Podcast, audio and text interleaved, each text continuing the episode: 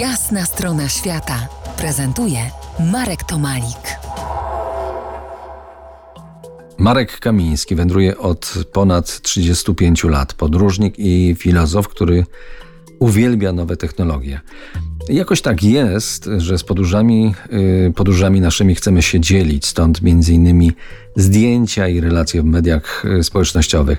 Ale jeśli ktoś przeżyje taką gęstość podróży, jak ty na przykład, podróży gdzieś tam w samotności, to te podróże zdobywają nowe, nieznane dotąd obszary naszego mózgu.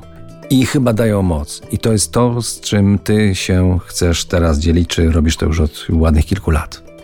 Dokładnie, pięknie to ująłeś Marek, dokładnie tak. Myślę, że ludzie często kojarzą wyprawy na bieguny z wyprawami w zewnętrznym świecie. Tymczasem jakby w dużej mierze osiąganie biegunów tych nawet ziemskich jest osiąganiem biegunów w samym sobie, tak? I trzeba jakby przezwyciężyć wiele schematów, wiele ograniczeń, które są w naszym umyśle, żeby cele, które też sobie nasz umysł stawia, osiągać. Więc e, dokładnie tak, że podróż do takich bardzo niemożliwych do zdobycia celów jest też bardzo głęboką podróżą w głąb siebie.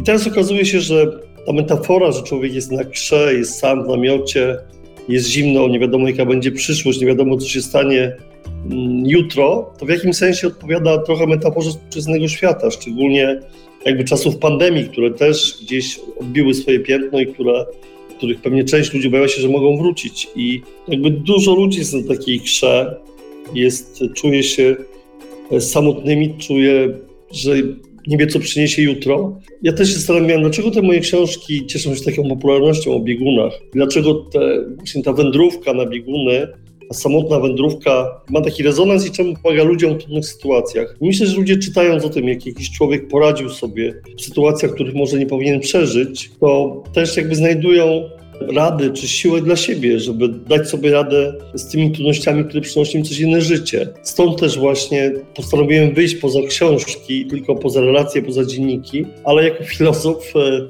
systemowo zbudować e, programy, zbudować e, warsztaty, procesy, które będą pozwalać ludziom e, rozwijać ich potencjał, rozwijać swoją moc i stawać się najlepszą wersją samego siebie. Stąd też właśnie programy dla, dla biznesu, które tworzymy, stąd programy dla młodzieży, stąd też, też aplikacja LifePlan App, LifePlan Academy, stąd też Kongres Mocy, który 27 października o nim opowiemy. Tak, o nim opowiemy za kilkanaście minut. A ja teraz jeszcze przypomnę książki, o których wspomniałeś, ale nie wymieniłeś tytułów. Idź własną drogą, wyprawa.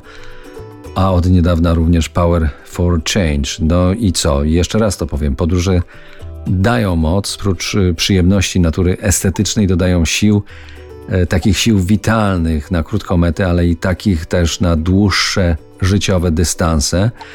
Ty sam to odkryłeś i teraz już jakiś czas się z tym dzielisz, podzielisz się jeszcze z nami, zaprosisz na Kongres Mocy, który niebawem, ale to będzie za kilkanaście minut.